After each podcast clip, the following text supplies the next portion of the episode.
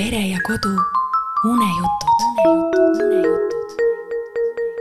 väikse orava suur soov. Kadi Voidka.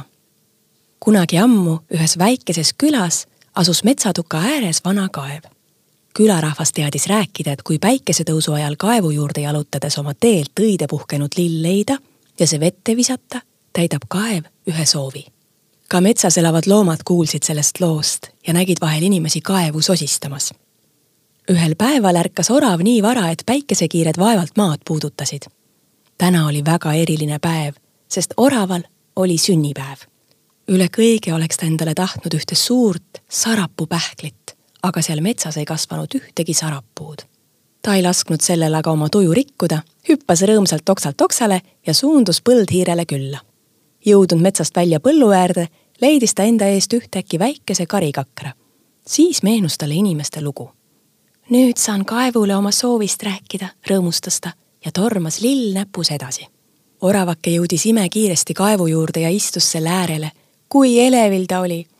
hoides karikakart tugevalt enda vastas, sulges ta silmad ja soovis kogu südamest. armas kaev, ma soovin endale väga ühte sarapupähklit orav viskas lille vette, tänas kaevu ja suundus edasi. põldhiir kindlasti juba ootas teda. Kaevu katusel maganud pääsuke kuulis orava soovist ja teadis, et selles metsas ei kasva ühtegi sarapuud. see-eest oli ta neid näinud teel lõunasse. kui ma kohe lendama hakkan, siis jõuan kindlasti õhtuks tagasi, mõtles ta ja teadis, kui hea meel oraval pähkli üle oleks. pääsuke sirutas oma tiibu ja asus teele oraval oli tore päev ja ta kohtas kõiki oma sõpru. põldhiir kinkis talle terasid ja karumett. siilike laulis, jänes tantsis ja konn tegi ühe märja musi. õhtul hilja enne koju minekut käis orav kaevu juures. ehk täidab kaev ainult inimeste soovid, kurvastas ta pisut ja läks tagasi metsa. koduteel nägi ta puude kohal pääsukest. linnuke siristas rõõmsasti, lehvitas talle ja lendas edasi peagi jõudis orav noore tammeni, mille tüve mööda ta pesa poole ronis.